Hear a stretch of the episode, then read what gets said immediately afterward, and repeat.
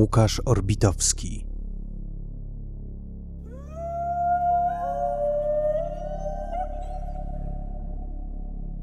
Wigilijne psy.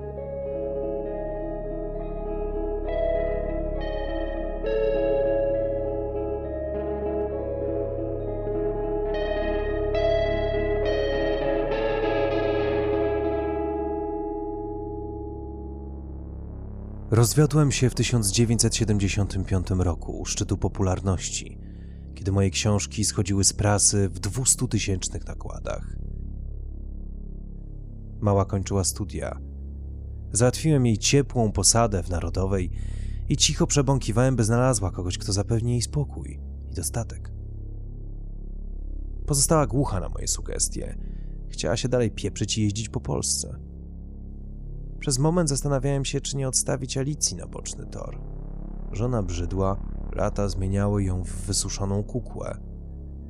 Nie zrobiłem tego. Na początku 1974 roku mała złamała drugą zasadę. Zadzwoniła z kompletną bzdurą. Potrzebowała numeru do koleżanki, kolegi, kogo kurwakolwiek. Odebrałem, byłem na gazie i trzasnąłem słuchawką. Skoczyłem w samochód. Mała zajmowała kawalerkę na kozłówku, którą jej wynająłem. Nim zdążyła otworzyć usta, przywaliłem jej tak, że w powietrzu zawirowała chmura czerwonych kropli. Nie upadła, stała, oniemiała, jakby nie mogła uwierzyć w to, co się dzieje. Biłem ją dalej, dopóki starczyło sił. Nie próbowała krzyczeć, tylko osunęła się do moich stóp. Kopnąłem parę razy. Wybuchła płaczem. Pchnąłem ją na plecy i biłem otwartą dłonią, aż zamilkła. Wstałem. Gniew odszedł. Mała drżała, łapała powietrze. Powiedziałem, że ma zniknąć z mojego życia. Dałem miesiąc na opuszczenie mieszkania i zamknąłem drzwi z drugiej strony. Pojechałem na krupniczą, wypiłem parę głębszych i zasnąłem przy stole, mamrocząc przekleństwa na babską głupotę. Koledzy przenieśli mnie do łóżka. Półprzytomny słyszałem głosy zwiastujące burzę.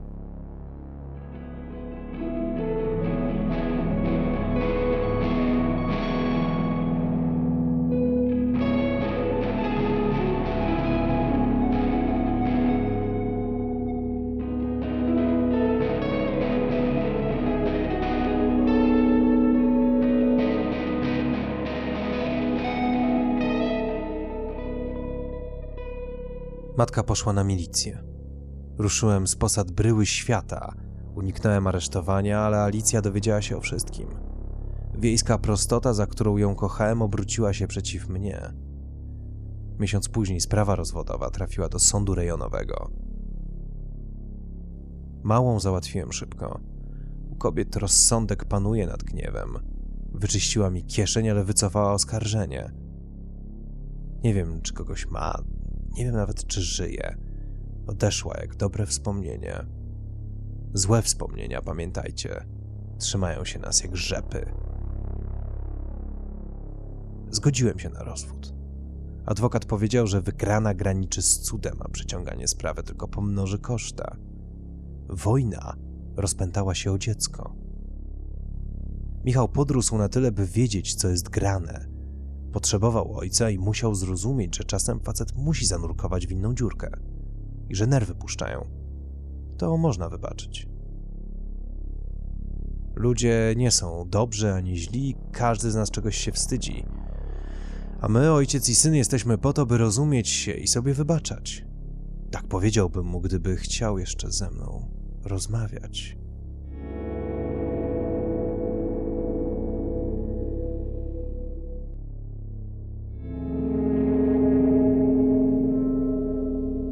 Z Alicją starliśmy się na sali sądowej, wytaczając najcięższe działa. Wskazywałem, że była żona nie zdoła zapewnić dziecku odpowiedniego wychowania. Poza tym chłopak w tym wieku bardziej potrzebuje ojca. Alicja odmalowała mój portret ostrą kreską. Zostałem dziwkarzem, pijakiem i pedałem. Adwokat mówił mi, że sąd już nie nabiera się na kobiecą histerię i że najpewniej wygram sprawę, jeśli nikt nie ciśnie mi kłody pod nogi. Klęska przyszła ze strony najmniej oczekiwanej. Prosiłem Ewę, by świadczyła po mojej stronie. Odmówiła z pokorą, tłumacząc, że Alicja uniemożliwi jej kontakt z dzieckiem. W kolejnej sprawie stanęła jako świadek mojej żony i wyśpiewała wszystko jak piekarski na mękach. Nie było wspólnej tajemnicy, której by nie przytoczyła. Nie istniała rozmowa tylko między nami, której nie wyprułaby flaków przed szacownym zgromadzeniem. Siedziałem oniemiały. Adwokat skurczył się w sobie, a w przerwie nachylił się do mnie i szepnął: To naprawdę pana siostra?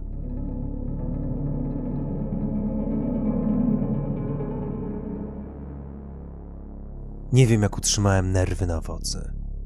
W przerwie podszedłem do Ewy i zapytałem, co do cholery wyprawia. Nadeła się jak kura z rurą w dupie i wypluła gadkę o sprawiedliwości, o tym, że zawsze trzeba stawać po stronie pokrzywdzonych. Kto tutaj był pokrzywdzony do jasnej cholery? Mała i Ala wypłukały mnie z pieniędzy. Co to za myślenie? Rodzina ma być cholera razem, a jeśli już należy stawać po słusznej stronie, która niekoniecznie zawsze jest pokrzywdzona. Mówiłem tak na niej z rękami złożonymi na plecach, a potem odszedłem. Nigdy więcej nie powiedziałem do Ewy ani słowa.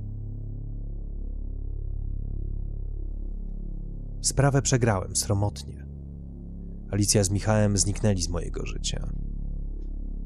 Zmuszony przez sąd kupiłem kawalerkę. Michał zabrał zabawki, książki, ubrania i odszedł. Matka kazała zostawić wszystko, co kiedykolwiek mu kupiłem. Nie wierzę, aby zrobił to z własnej woli. Na środku pokoju została barwna kupa snów mojego syna. Wierzyłem, że Michał wróci, ale matka owinęła go sobie wokół palca. To dziwne i smutne, gdy syn, krew z krwi, tonie w obcym życiu, a ty idziesz za nim jak ślepiec. Składasz jego drogę jak niekompletną układankę, wypytujesz znajomych, śledzisz wyniki matur, egzaminy, obronę. Nie piłem z nim piwa, nie rozmawiałem o kobietach, nie służyłem radą ani wsparciem. Chyba poradził sobie. Minęliśmy się kiedyś na ulicy. Jest grubym trzydziestolatkiem, ale ma żywe oczy ojca. Cokolwiek znalazł, mam nadzieję, będzie dla niego dobre. Została mi matka i siostra.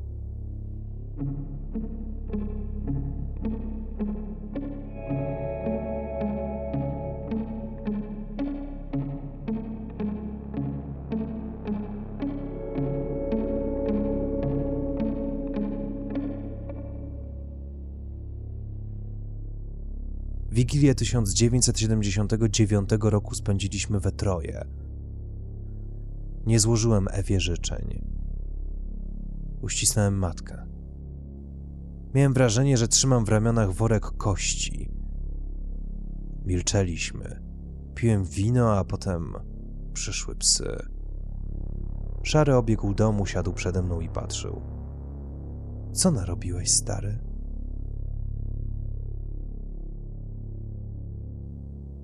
Matka umarła na wiosnę. Siedzieliśmy przy niej trzy dni. Nie mogła mówić. Próbowała złączyć nasze dłonie. Powiadają, że wypełnienie woli zmarłego jest obowiązkiem, ale nie przychylam się do tego zdania. Zgniotły się jak ogień na świecy, powiedziała mi Ewa. Chciałem jej odpowiedzieć, że jest dokładnie na odwrót. To Ewa zwróciła się przeciwko mnie i zatruła nasz dom. Patrz na swoje dzieło, cisnęło mi się na usta. Milczałem. Trzy miesiące po pogrzebie Ewa wyjechała z przyjaciółką. Przeniosłem jej rzeczy do pokoju na Krupniczej, zmieniłem zamki i wysłałem telegram do Buzka z informacją, że nie mieszka już w Tęczynku. Tak poradził mi mój prawnik i Ewa zniknęła z mojego życia. Chciałbym powiedzieć, że nie tęskniłem,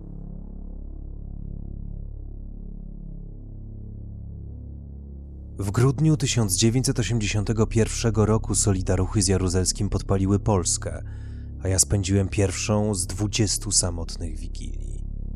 Dzieciątko Jezus przyniosło mi butelkę wódki. Piłem i rozmawiałem z psami. Próbowałem bawić się z czarnym jak dawniej, ale pies siedział przede mną. Szary zasnął na moich nogach. Aleśmy się postarzeli. Ścisnąłem butelkę kolanami. Jak to robicie, pieski, że nie widać tego po was? No, czarny, powinieneś mieć futro rzadkie i siwe jak na dupie starucha. Siedzimy razem, jest wigilia. Powiedzcie coś do mnie. Chcę wiedzieć, czy robię dobrze. Powiedzcie, ja to spiszę, napiszę o was książkę, bracia. W roku 1981 psy miały prawie 20 lat.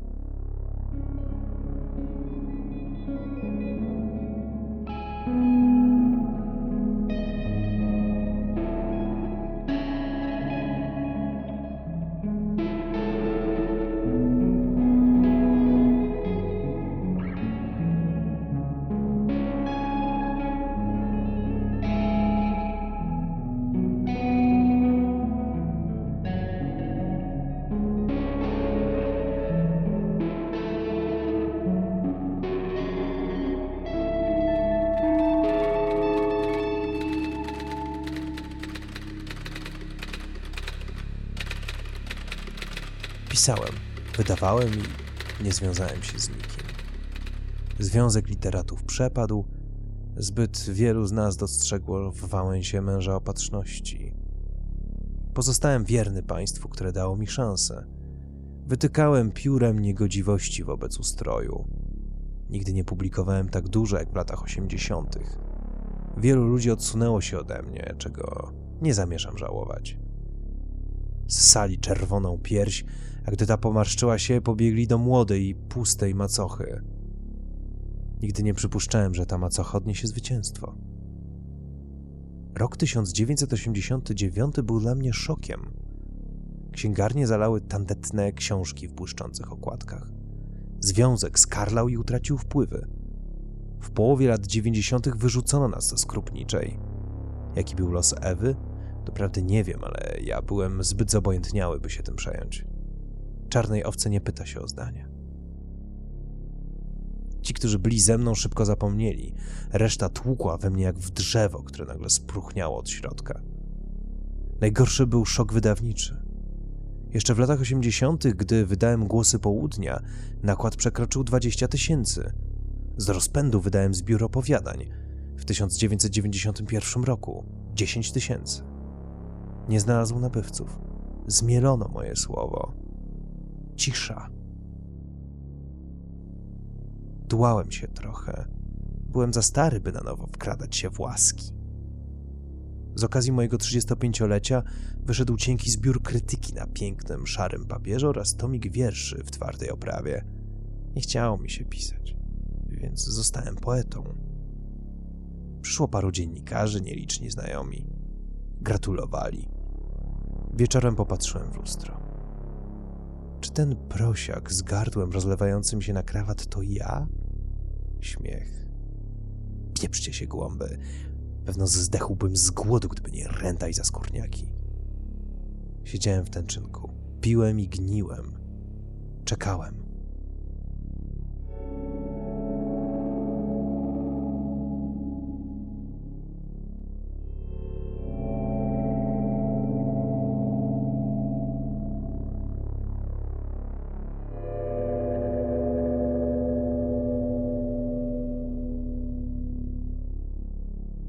Przez te lata nie zapomniałem, że jestem wybrany.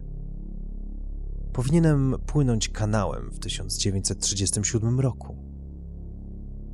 Wybrano cię, byś mógł coś zrobić, a ty nie zrobiłeś, mówiły oczy czarnego. Jak nie zrobiłem, głupi psie mój futrzany przyjacielu. Popatrz na półkę, jak trzeszcze pod ciężarem książek.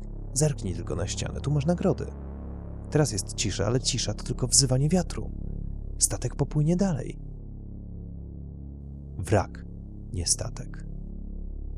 Myślałem stojąc w gaciach przed lustrem w łazience. Miałem czerwoną mordę, brzuch niczym bęben, sflaczałe ramiona. Tłuszcz wisiał na nich jak chorągiew na maszcie w bezwietrzny dzień. Zostały mi psy i wódka. Kochane czterdziestoletnie psy. Powiew magii w moim życiu. Łączyłem je z tajemnicą narodzin stanowiły dowód, że jeszcze coś jest przede mną. Wierzyłem, że wypłynę do światła. Lekarz mówił, że powinienem przestać pić. Zadałem proste pytanie: po co? I Boże Narodzenie przywitałem z butelką. Obiecywałem sobie, że to ostatni raz. Wraz z powodzeniem opuściły mnie kobiety. Sześćdziesięciolatek piszący do szuflady i przepijający radośnie każdy grosz nie stanowił najlepszej partii. W wigilię szary ugryzł mnie w rękę. Psy przyszły wraz ze zmrokiem. Chciałem pogłaskać szarego, a ten szarpnął łbem i zacisnął zęby na nadgarstku. Krzyknąłem, szarpnąłem się, puścił. Drugi raz tego nie zrobią. Patrzył. Umiałem czytać z jego oczu. Stanąłem w rogu kuchni, trzymałem butelkę gotów ją i walczyć. Czarny warczał. Wigilijne psy urosły w siłę, a ja osłabłem. Powłóczyłem nogami, z trudem podnosiłem wiadro z wodą. Usiadłem. W oczach czarnego trzeszczał ogień. Grube mięśnie karku pulsowały życiem. Szary posłał mi smutne spojrzenie i wybiegł w noc.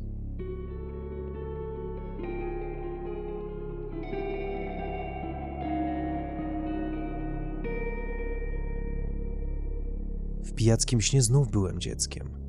Bawiłem się z czarnym i szarym przy wielkiej choince. Sufit błyszczał jak zorza. Wybiegliśmy na dwór na niebieski śnieg.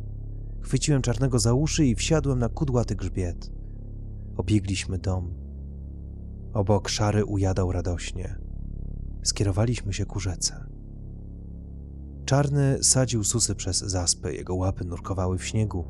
Szary ujadał tuż za mną. Dotarliśmy do nabrzeża, ale czarny nie zwolnił. Puściłem uszy w chwili, gdy pies skoczył na cienki lód. Zsunąłem się i upadłem. Lód trzasnął jak pęknięta kość. Woda była ciepła i słodka. Nurt szarpnął mną i przycisnął do dna. Szorowałem po kamieniach, widziałem gwiazdy migoczące nad lodem, podłużne ryby i rośliny czarne jak sam diabeł. Coś pękło nade mną i ciemny kształt podążył na dno. Ojciec miał jasną twarz i rybie oczy. Chwycił mnie za ramiona. Nie przeciągaj rzeczy ponad miarę, bulgotał. Jeśli masz dość kobiety, odejdź od niej i nie żeń się tylko dlatego, że masz z nią dziecko. Gdy praca cię złości, zostaw ją, poszukaj innej. I nie żyj na siłę. Nigdy nie trzymaj się życia, jak pijany latarni. Znów byłem dorosły. Wziąłem się z ojcem za bary. Jestem wybrany.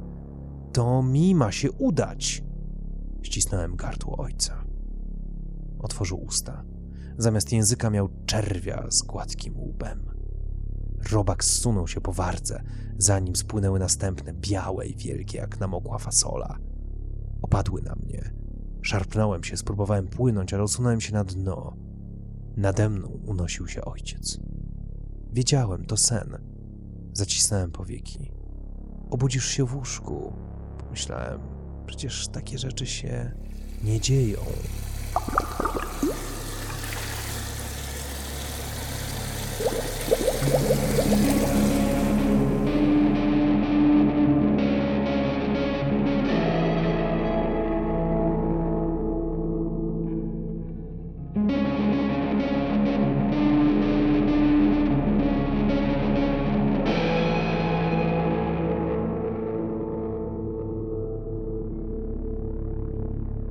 Zeszłej wigilii psy próbowały mnie zabić. Nie piłem. Dzwoniłem po znajomych, ale nikt nie chciał mnie przyjąć. Pierwszą gwiazdę przywitałem siedząc po turecku na stole. Patrzyłem w okno i myślałem, że święta spędzimy we troje. Kupiłem karmę, mięso i mleko. To jedna z tych chwil, gdy człowiek rozważa wszystko, co utracił. Papierus za zmarnowany rok. Jeden płomień za każdego, kogo skrzywdziłem.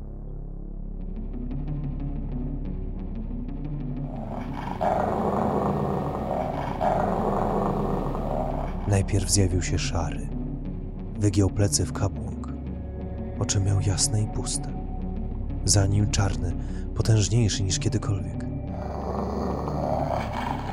Miał łapy jak cumownicze liny. Skoczył bezgłośnie. Pokryta pianą szczęka zatrzasnęła się przed moim gardłem.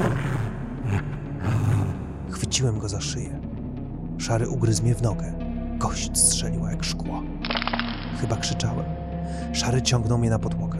Stłukłem butelkę o kant stołu. Oczy czarnego tuż przed moją twarzą wyglądały jak wodne wrota. Myślałem, że wciągną mnie w siebie, zatopią, zaduszą. Wbiłem butelkę głęboko w bok psa. Zapiszczał i zsunął się ze mnie. Zsunąłem się ze stołu. Szary sięgnął mojego uda. Biłem go po głowie, wyrwałem strzępy, futra, aż wreszcie zostawił mnie. Pokuśtykałem do drzwi. Czarny odzyskał siły, powłóczył łapami, musiał bardzo cierpieć. Miałem na rękach jego krew. Była zimna, jak górski strumień.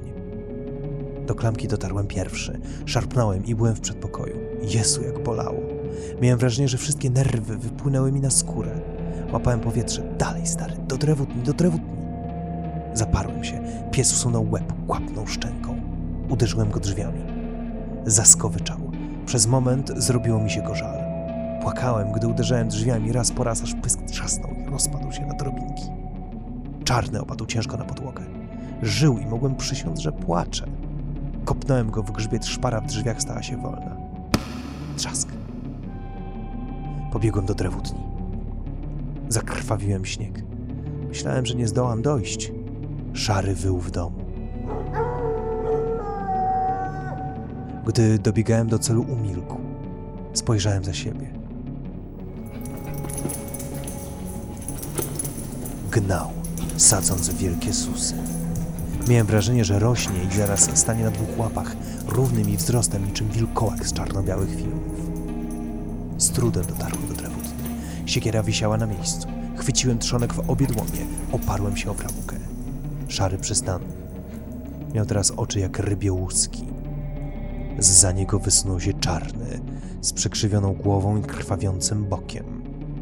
Z trudem dotarł do towarzysza. Wsparł się na nim. Mogłem przysiąc, że odzyskuje siły. No chodźcie! Machnąłem ostrzem. Chodźcie, skurwysyny, i nauczcie starego capa, jak trzeba umierać. Dalej, przyjaciele, nie boję się was, słyszycie? Nie boję się ani trochę, jestem za stary, by bać się kogokolwiek. Przetrwałem wrogów, przyjaciół, teraz przetrwam. Na co czekacie? Psy patrzyły na mnie. Ich oczy znów się zmieniły. Były puste, okropnie stare, pełne złości i mogłem przysiąc, że zaraz pocieknie z nich gorzka ciecz. Zarazem było w nich coś znajomego. Minęła chwila, nim zrozumiałem. Szary i czarny patrzyły na mnie moimi oczami. Psy odwróciły się i pobiegły do rzeki.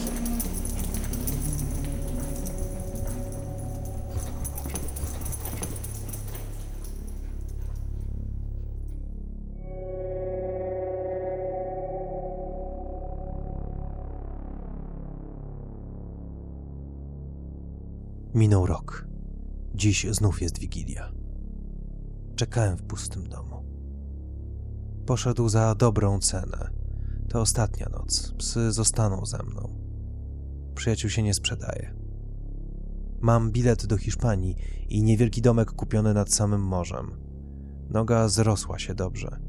Jestem krzepkim sześćdziesięcioparolatkiem, nie piję, palę jak smog i noszę głowę w chmurach. W Hiszpanii będę pływał w morzu i chodził na koridę. Chciałbym zwiedzić trochę świata, poznać przyjaciół i fajną staruszkę, która zniesie towarzystwo takiego ramola jak ja. Potem napiszę o tym książkę i po raz pierwszy będę pisał dla siebie. Mam nadzieję, że znajdzie się w niej mnóstwo przygód i wszystkie będą prawdziwe.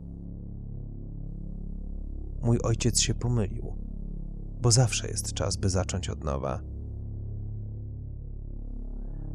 Muszę jednak poczekać na psy. Mam mocny kij. Mógłbym odjechać, ale znajdą mnie wszędzie. Chcę się z nimi zmierzyć. Drąg w starych ramionach przeciw ich kłom to uczciwy układ. Mam nadzieję, że wygram. Przynajmniej rok. Tak czy inaczej dowiem się, czy warto. Chodźcie, przyjaciele, spróbujcie mnie wziąć. Kiedyś wam się uda. ale jeszcze nie dziś.